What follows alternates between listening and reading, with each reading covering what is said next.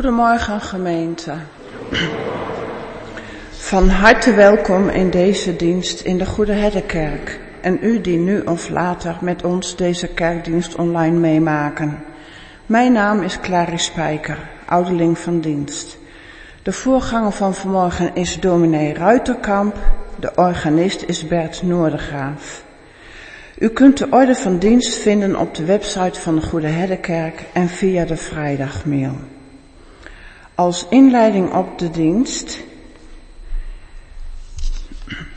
mensen gevraagd om de vrede te leren, waar geweld door de eeuwen heen model heeft gestaan. Zo dichtte Koen Poort ten tijde van de demonstraties tegen de plaatsing van de kruisraketten. Toon Hermansson, er moeten mensen zijn die op het grijze asfalt in grote witte letters liefde verven. En Bram Brechtman schreef in zijn gedicht in de laatste vrijdagmail, er moeten mensen zijn die slingers ophangen, mensen die de geest krijgen en durven. Daarover gaat het vanmorgen in deze dienst. Mensen gevraagd, dringend mensen gevraagd. We wensen elkaar een goede dienst toe. Ons intochtslied is lied 274, de versen 1 en 2.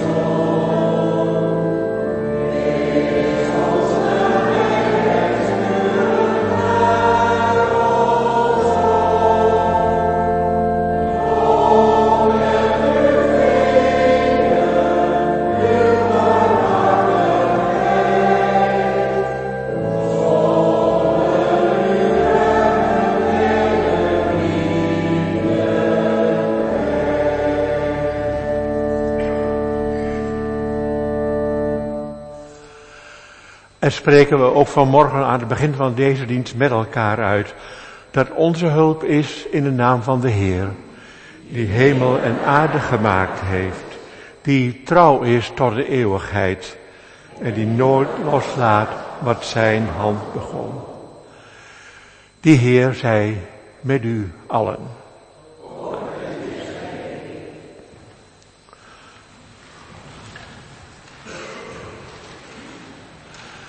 bidden we ons gebed op de drempel.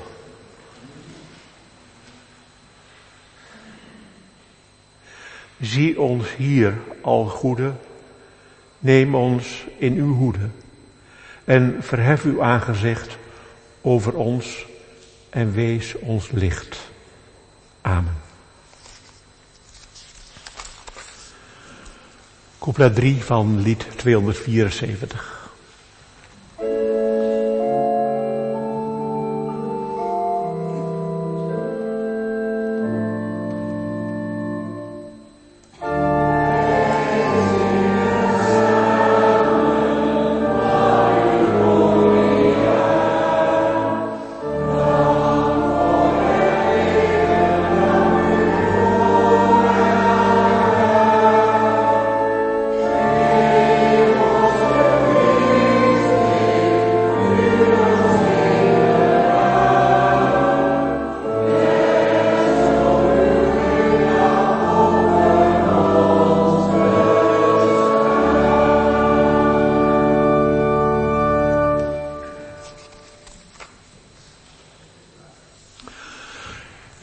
In ons, drempelgebed hebben we voor onszelf en voor hen die thuis meeluisteren gebeden.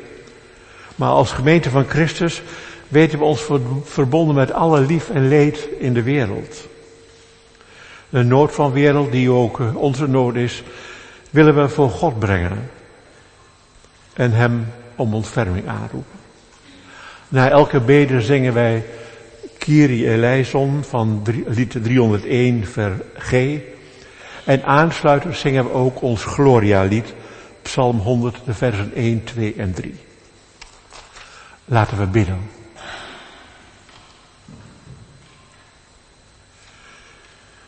Goede God, om ons heen kijkend, wat er allemaal gebeurt op deze uw aarde, slaat ons soms een schrik om het hart.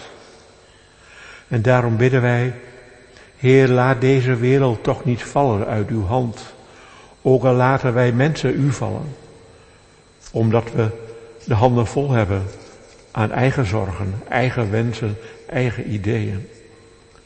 En daarom roepen wij u zingend aan.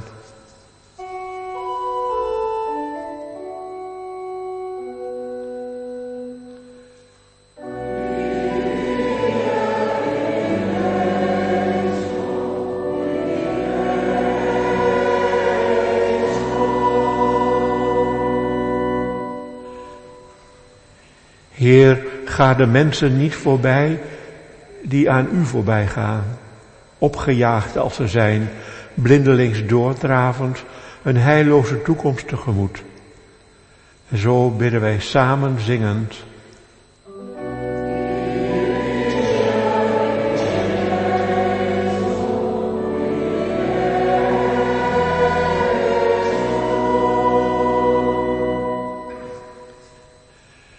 Heer, gedenk in uw genade toch hen aan wie niemand denkt.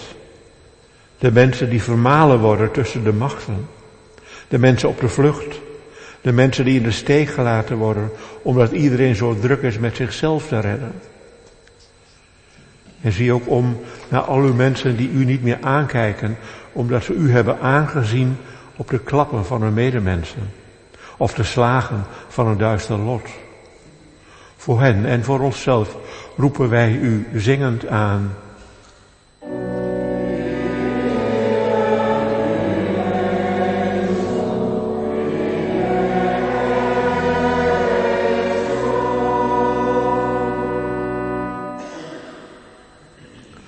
Ontferm u over ons als wij geen tijd meer vinden voor elkaar. Als onze verhoudingen aangetast worden, afstandelijk, steeds meer op onszelf gericht. Roep ons daarom weer terug naar u, naar de rust van dit samen zijn, waarin u de tijd neemt voor ons en wij de tijd krijgen voor elkaar. Zodat we leren onze dagen te tellen en wijze mensen worden. Zo bidden wij zingend.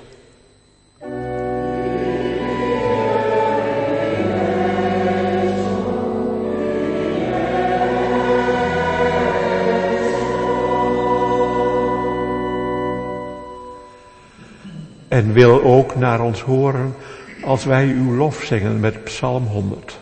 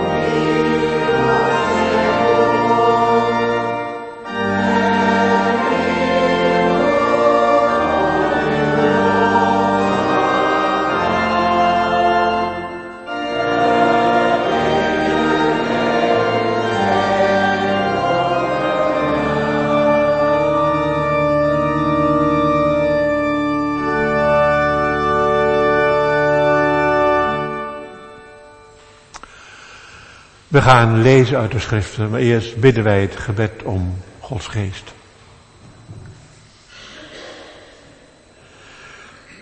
Trouwe God, nu we gaan lezen over uw wijngaard en ons mensen, bidden wij om uw geest. Open uw hart voor ons. Open ons hart voor u en raak ons aan. Amen. De eerste lezing wordt verzorgd door Ger.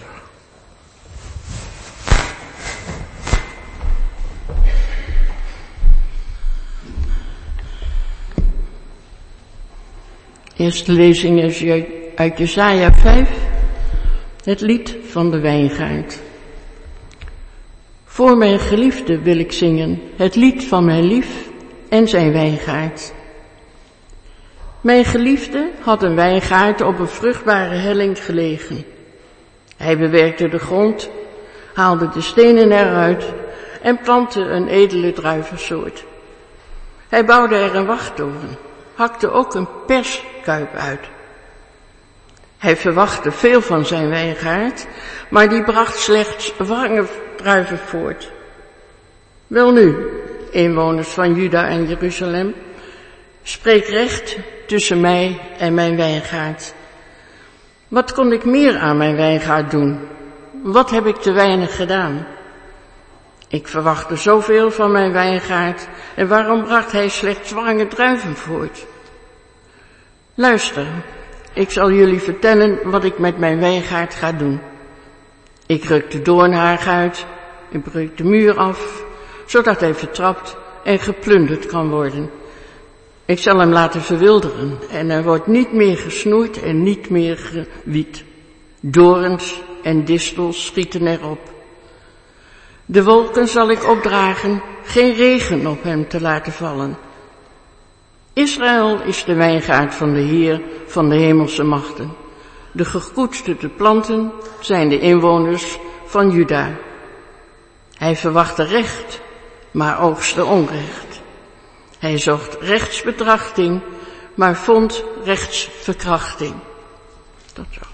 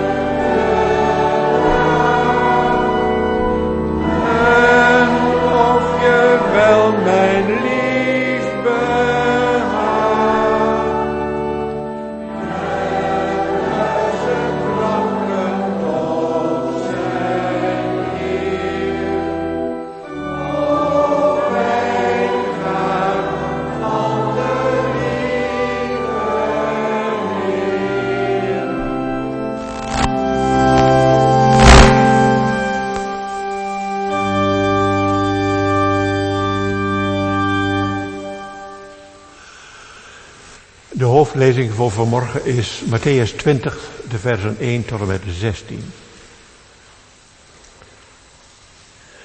Daarin zegt Jezus, het is met het koninkrijk van de hemel als met een landheer die er bij het ochtendgloor op uittrok om dagloners voor zijn wijngaard te zoeken. Nadat hij met de arbeiders een dagloon van één denari overeengekomen was, stuurde hij hen naar zijn wijngaard. Drie uur later trok hij er opnieuw op uit.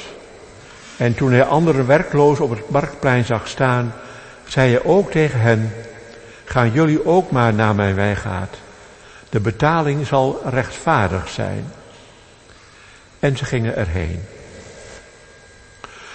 Rond het middaguur ging hij er nogmaals op uit. En drie uur later weer. En handelde als tevoren. Toen hij tegen het einde van de dag nog eens op weg ging, trof hij een groepje aan dat er nog steeds stond. Hij vroeg hen, waarom staan jullie hier de hele dag zonder werk? Niemand heeft ons ingehuurd, antwoordden ze. Hij zei hun, gaan jullie ook maar naar de wijngaard. Toen de avond gevallen was, zei de heer van de wijngaard tegen zijn rentmeester, roep de arbeiders bij je en betaal hun het loon uit. Begin daarbij met de laatsten en eindig met de eersten. En zij die er vanaf het einde van de dag waren, kwamen naar voren en kregen ieder één dinari. En toen zij die als eerste waren gekomen naar voren stapten, dachten zij dat zij wel meer zouden krijgen. Maar ook zij kregen ieder die ene denari. Toen ze het geld hadden aangenomen, gingen ze bij de landheer hun beklag doen. Die laatsten hebben één uur gewerkt en u behandelt hen zoals u ons behandelt, terwijl wij het onder de brandende zon de hele dag hebben volgehouden. Hij antwoordde een van hen, vriend, ik behandel je toch niet onrechtvaardig? Je hebt toch ingestemd met het loon van één denari? Neem wat je toekomt en ga. Ik wil aan die laatsten hetzelfde geven als aan jou. Of mag ik met mijn geld niet doen wat ik wil? Ben je jaloers omdat ik goed ben? Zo zullen de laatsten de eersten zijn en de eersten de laatsten. Tot zover onze lezingen.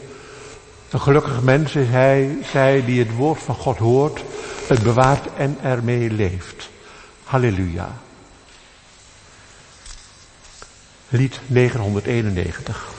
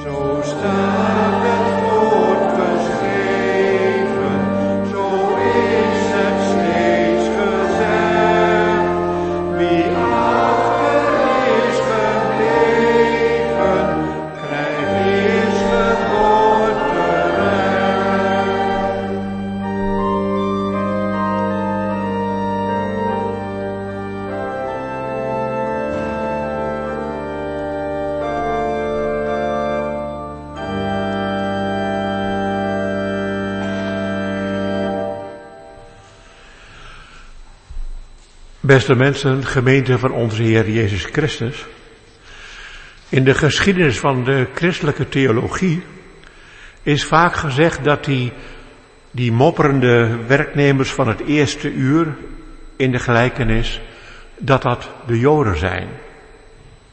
En die van het laatste uur, dat dat de christenen zijn. Wij dus die veel en veel later die God van Israël hebben leren kennen. Als je die gedachte aan de hand van de slotzin, de laatste zullen de eersten en de eerste de laatste, als je die gedachte doortrekt, dan zouden wij als christen dus voorop staan. En de Joden achteruitgezet. Levensgevaarlijk, dat soort constructies, zo is gebleken. En totaal ook langs de kern van de gelijkenis heen. Laten we daarom anders naar die gelijkenis van Jezus kijken. Eerst maar gewoon eens even kijken met de blik van onze tijd.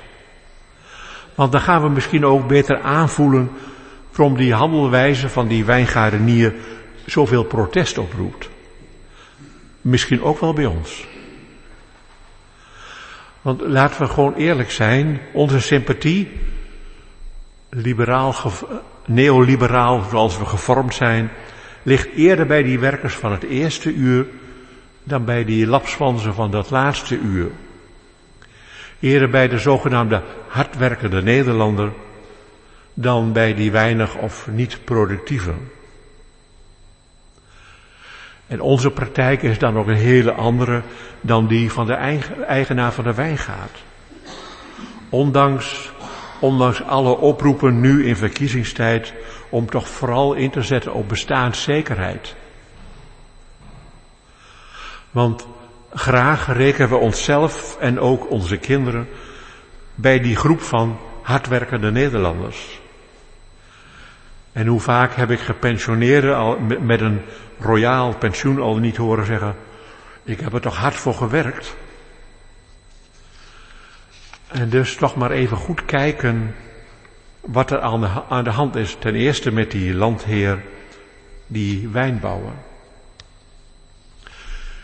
Die wijnbouwer die staat natuurlijk model voor God. Dat hadden we al lang in de gaten. En die wijnbouwer heeft dan ook een heel ander gevoel van rechtvaardigheid dan wij. En daarom, daarom botst hij ook met zijn werknemers. Zo'n zo'n protest tegen Gods handelswijze, dat komen we vaker tegen in de Bijbel. Denk maar eens aan Jona. Jona die liever al die inwoners van Nineveh en alle dieren ten onder ziet gaan. En die daarom wegvlucht. Liever dan mee te werken aan nieuwe kans voor die mensen in Nineveh. Voor die slechte rekken daarginds. Of denk ook eens aan de oudste zoon uit de gelijkenis van de verloren vader. Hij kan het maar niet verkroppen dat die de verloren broer zomaar weer met open armen ontvangt. En denk bij protest ook eens een keer aan Job. Job die God zelfs een proces wil aandoen. Of, en dan buiten de Bijbel, het verhaal van Elie Wiesel, dat verfilmd is in de, in de film God on Trial. Waarin Joodse gevangenen in Auschwitz een, protest, een proces tegen God aanspannen. Loon naar werken. Dat is voor ons een heel belangrijk uitgangspunt. En eigenlijk zou God zich daar ook aan moeten houden. Want waar blijf je anders? Voor een goed begrip van de gelijkenis stel ik daarom voor om de titel te veranderen. We kennen het allemaal onder de titel van de arbeiders in de wijngaard. Maar ik zou zeggen van laten we het noemen de landheer en zijn arbeiders. Dan ligt het accent namelijk minder op ons en meer op de landheer, de eigenaar van die wijngaard. Want als er één actief is, dan is hij het wel, die landheer. Hij gaat er elke keer weer uit om werkers te zoeken. Hij zorgt dat er geld is. En hij gaat in gesprek met de protesterende arbeiders. Vijfmaal. Vijfmaal gaat hij naar de markt om nieuwe arbeiders in te huren. Er schijnt haast te zijn met de oogst. Regen opkomt misschien, of misschien worden de druiven overrijp. Deze landheer weet zich helemaal afhankelijk van zijn arbeiders. Want zonder hen wordt het nooit wat met die wijngaard. En zonder hen zal er ook geen wijn zijn. Heel die gelijkenis draait dan ook om de uitnodiging om toch vooral in die wijngaard te komen werken. Vijfmaal nodigt hij mensen uit. Vijf, precies het getal van de boeken van de Torah. De laatste keer dat hij naar de markt gaat, dat is het elfde uur. En dat is één uur voor zonsondergang. Een grote verschil tussen de werkers van het eerste uur, zes uur in de morgen, en die laatste, elf uur later, vijf uur in de middag, is haast niet mogelijk. Waarom er dan nog tegen het elfde uur mensen op de markt staan, vraag je af. Dat vermeldt Marcus, Matthäus niet. Wel vermeldt hij dat niemand hen wilde. En misschien is dat nog wel een van de ergste dingen die jou kan overkomen. Dat niemand jou wil. Niet helemaal gezond, verkeerde naam, verkeerde buurt, ander kleurtje. Er is geen reden, denk ik, om te veronderstellen dat die laatsten van het elfde uur, dat die werkschuw waren. Anders zouden ze daar niet staan. En anders waren ze ook niet meegegaan voor het ene uurtje. Dat beeld van die markt waar mensen staan te wachten, deed me denken aan een documentaire over illegale een paar jaar geleden. In Rotterdam en in Brussel. Mensen die daar in het donker stonden te wachten om met busjes opgehaald te worden. Om in de kassen en op de bouwplaatsen te gaan werken. En waarbij er ook een groep doelloos achterbleef. Het doet me denken aan asielzoekers die zo snel mogelijk aan de slag willen en dat niet mogen. Aan de mensen van Moria en Lampedusa, die ook onze overheid en heel veel kiezers beslist niet hier naartoe willen hebben. Aan mensen in de AZC's, sommigen al meer dan een jaar wachtend op een eerste beoordeling, beoordeling door de IND. Met de eerste groep, met de vroege vogels, maakt de landheer een duidelijke afspraak. Eén denari. CAO-conform, blijkbaar. Want niemand moppert. En ze gaan graag mee. Tegen de latere arbeiders zegt hij, gaan ook jullie naar mijn wijngaard, de betaling zal rechtvaardig zijn. Er wordt geen bedrag genoemd en er blijkt een zeker vertrouwen te zijn bij die mensen. Alleszins reëel lijkt het ons dan dat die van negen uur s morgens, dat die dan drie kwart ontvangen, die van het middaguur een kwart denari en die van het elf uur, ja, een twaalfde natuurlijk. Niet de moeite eigenlijk om mee te gaan, maar ze gingen toch, die laatste. Alles beter dan helemaal niks. Als de avond valt, geeft de landheer zijn bedrijfsleider opdracht het loon uit te betalen. Te beginnen met de laatste. Ja, en daar begint natuurlijk al de ergernis. Want dat is toch gewoon de omgekeerde wereld. Zo doe je dat toch niet, te beginnen met de laatste. Die lui die maar één uurtje gewerkt hebben. En bovendien heel, heel ontactisch. Want als hij de werkers van het eerste uur eerst had laten betalen, dan hadden die rustig naar huis kunnen gaan, zonder te mopperen, en waren er geen scheve ogen geweest. Want vaak is het toch wat het oog niet ziet, het hart ook niet deert. Maar deze landheer, die doet het zo. Met opzet. Met opzet maakt hij het zichzelf moeilijk. Zodat de werkers van het eerste uur wel onder ogen moeten zien met wat voor soort landheer zij van doen hebben. En hoe anders, hoe anders het in deze, in zijn wijngaard toegaat. Ze protesteren, die werkers van het eerste uur. Natuurlijk, want het is ook ergerlijk. Want wat voor werkhouding stimuleer je zo? Het is toch ook zuur als jij twaalf uur lang in de brandende zon hebt gewerkt?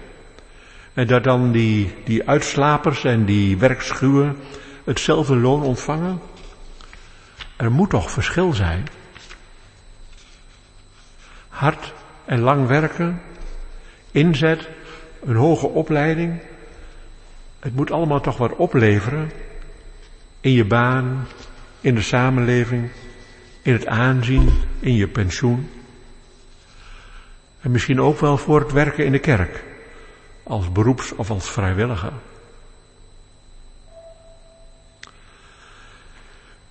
Het valt op hoe de eigenaar van een wijngaard met de woordvoerder van de critici omgaat. Hij verliest zijn goede humeur niet, integendeel. Vriend, vriend, zo spreekt hij hem aan. En op drie manieren gaat hij in op de kritiek van zijn meest toegewijde werkers. Ten eerste, ik handel toch niet onrechtvaardig? Zo hadden we toch afgesproken? Eén denari en je hebt niks te klagen. En vervolgens beroept de eigenaar zich op zijn vrijheid. Mag ik met mijn geld doen wat ik wil? Hij doet immers niemand tekort.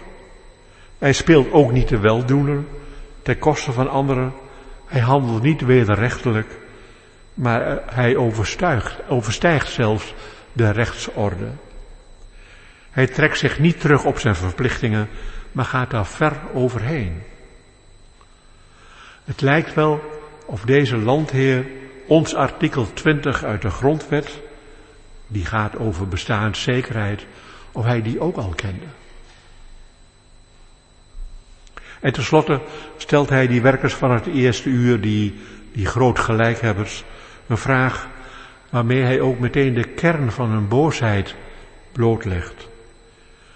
Zet het bij jou kwaad bloed dat ik goed ben? Er komt in het verhaal geen antwoord van de kant van de werkers van het eerste uur. Nee, natuurlijk niet. Want die gelijkenis, die wil juist ons met de gestelde vragen confronteren. Vragen als, als waar onze solidariteit is met hen die het minder getroffen hebben, die langs de kant staan. Waarom kunnen wij niet blij zijn, dankbaar dat het anderen ook goed gaat? Waarom pas tevreden over je eigen leven als je het kunt spiegelen aan dat van hen die het minder getroffen hebben?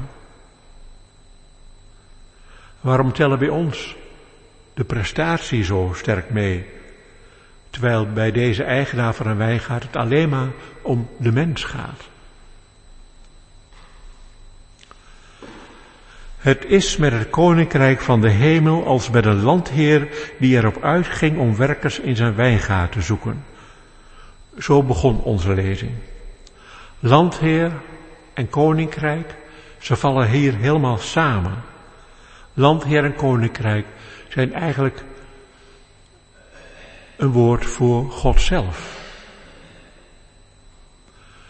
Maar je kunt in die landheer ook Jezus herkennen. Want heel dat gedrag van die landheer en ook de vragen die hij stelt, lijken op Jezus doen en laten. Hebben te maken ook met zijn bijzondere ervaring, teller van deze gelijkenis, zelf heeft gehad met God. God zorgt voor het zwakke, voor wie achterblijft, achtergesteld wordt, kwetsbaar is. Kreeg gestalte in Jezus leven en in Jezus handelen. Hij brak, zo vertellen onze evangeliën, in Gods naam met de maatschappelijke orde van zijn tijd en ook van onze tijd. Een orde die gebaseerd was op loon naar werken. Maar ook brak Jezus met de religieuze opvattingen van zijn tijd. Hoe, vroom, hoe vromer, hoe meer loon er bij God zou zijn. Jezus doorbrak die orde persoonlijk. Om zo levensruimte te scheppen voor mensen die, om wat voor reden dan ook, weinig presteren, weinig in te brengen hadden. Afgeschreven werden, niet aan alle eisen konden voldoen. In hem wordt ook voor ons het koninkrijk van God zichtbaar. Jezus heeft met deze gelijkenis vast niet bedoeld om een brede discussie over arbeidsverhoudingen op te zetten. Daar hebben we politici voor, vakbonden, werkgeversorganisaties. Maar hij wil ons aanspreken, persoonlijk, maar ik denk ook als geloofsgemeenschap, op onze visie op God. En daaruit voortvloeiend ook een andere visie op onszelf. En op onze houding ten opzichte van wie aan de kant staan. Aan de kant gezet zijn. Niet meer mee mogen en niet meer mee kunnen. Uit die gelijkenis spreekt de hoop en het verlangen van Jezus dat ook wij, in dat licht van Gods grote goedheid, trouwe werkers in zijn wijngaard zullen zijn. Dankbare, milde, wijze mensen Mensen in wie iets zichtbaar wordt van dat koninkrijk van de hemel. Dat we ons zullen laten leiden tot een andere blik. Verleiden tot een andere blik. Een andere blik op God, op onszelf, op deze aarde, op wie kwetsbaar zijn. Dat ook wij gehoor geven aan die oproep. Ga jij ook maar naar mijn wijngaard.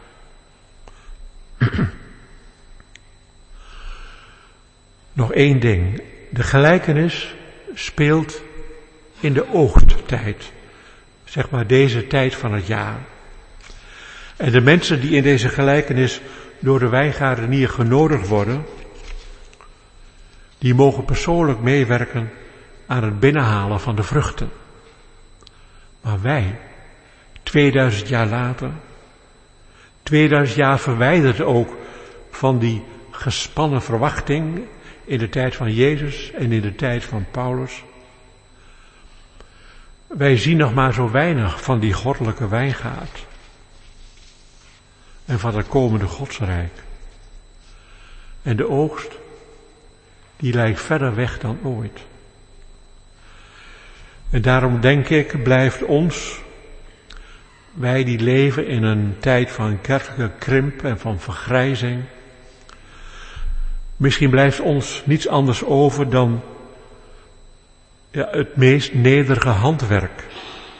Misschien niet het plukken van de druiven, maar het laag bij de grondse werk van het spitten en van het bemesten. Van het in de volle zon schoffelen in de wijngaard. Van water geven als de planten dreigen te verdrogen, van het opbinden van slappe ranken, zodat die weer overeind komen. Maar ook voor die schoffelaars, die waterdragers, die zwoegers van nu. Ook voor ons geldt die ene oproep. Kom ook jij maar in mijn wijngaard werken. Amen.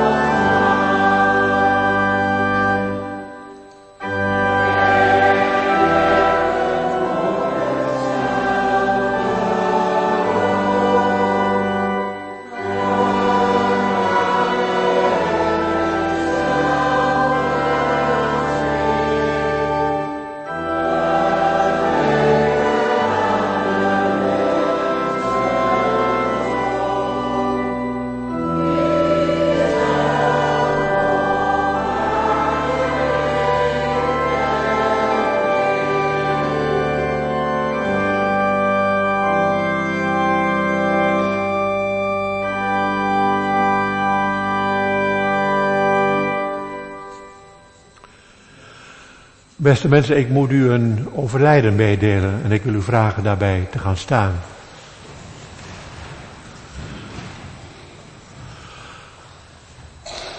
Afgelopen nacht is de moeder van Corina Besteman overleden.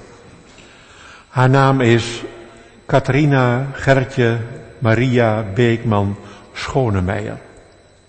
Haar doopnaam was Ineke. Ze werd geboren op 3 juni 1938 in Utrecht en ze is overleden op 24 september jongstleden. Vandaag dus. En ze werd 85 jaar oud. Ze woonde op de Lohof en over de uitvaart, de tijd daarvan, is nog geen bericht gekomen. Wij herdenken haar in een moment van stilte met dankbaarheid.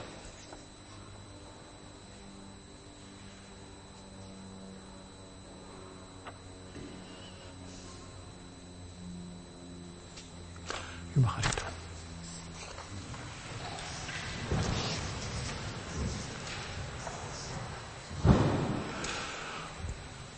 Voor onze Joodse broeders en zusters is deze tijd de tijd van de grote feesten. 15 december was het Rosh Hashanah, het Joods nieuwjaar. Morgen is het de grote verzoendag. En aanstaande zaterdag wordt het Loofhuttenfeest Sukkot gevierd. En daarom dragen we hen ook op in onze gebeden. Laten we bidden, danken, stil zijn voor persoonlijk gebed en samen het Onze Vader zeggen. Laten we bidden.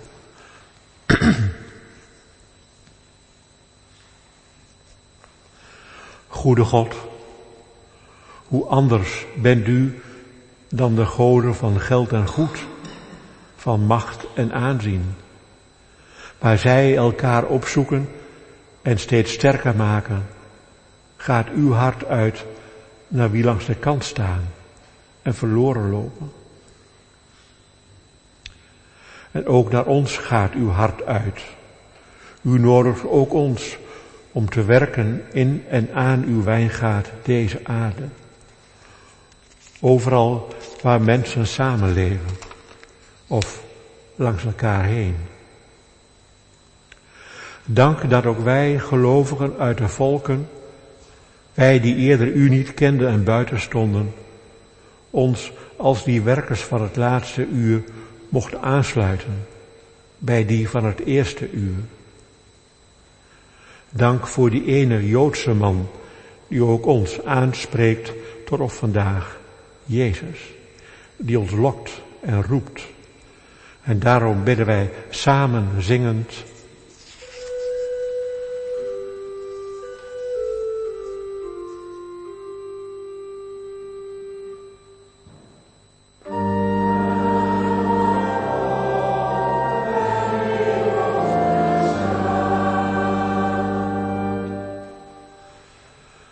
Trouwe God, voor de werkers van het eerste uur danken wij u. Zij die al eeuwen leven tussen ons niet, tussen ons niet Joden. En die vast bleven houden aan uw verbond, aan uw trouw. En al zijn we ver van elkaar afgedwaald.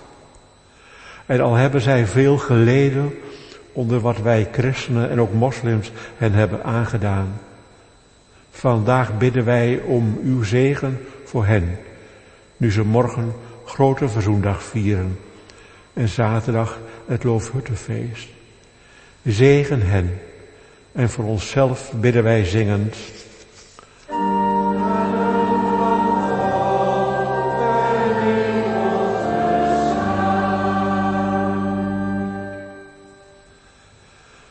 Danken willen wij u voor alle vruchten van het land en voor alles wat nog groeit en rijpen mag. Ook al weten wij van misoogsten, droogte en verwoestingen elders. Heer, u bent goed, u bent meer dan goed. Zo bidden wij zingend.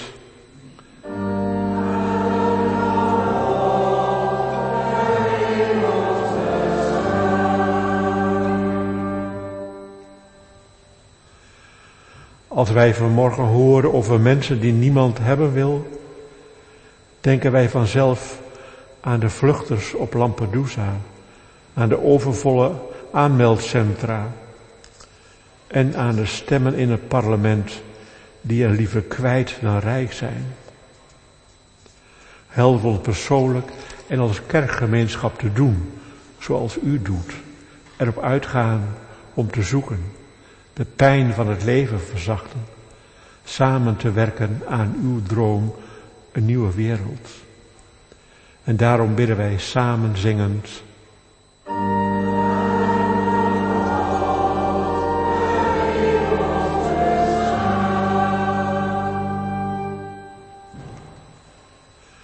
Voor mensen die het moeilijk hebben, bidden wij, veraf en dichtbij. En zo noemen we vanmorgen gewoon maar een paar namen. Navalny in een strafkamp in Rusland. En Abdul Baki Abda uit Jemen.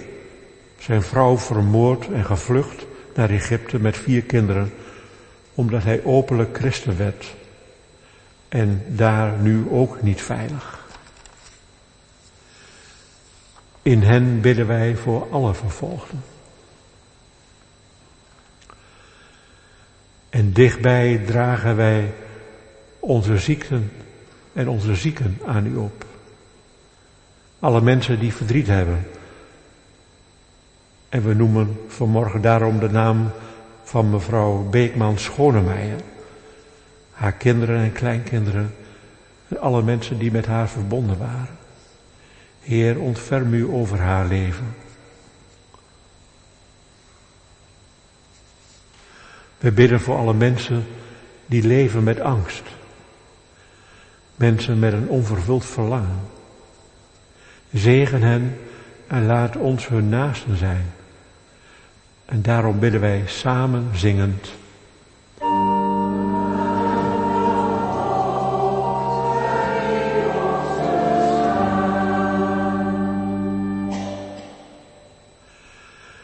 En in de stilte openen wij ons hart voor u. Kom naar ons toe en vul die stilte met uw goedheid.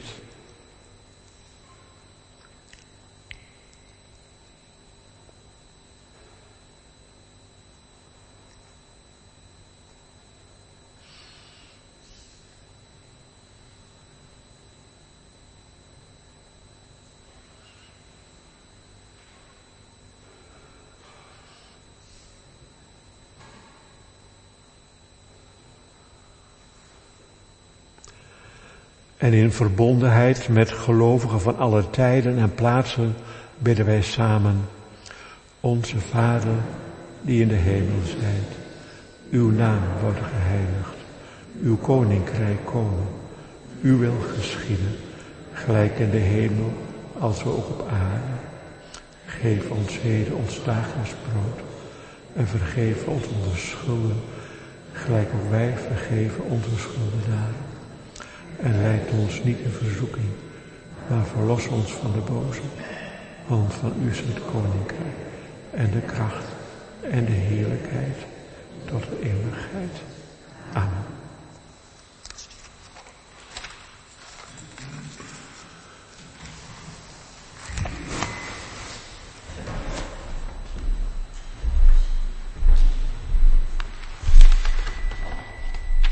De mededelingen.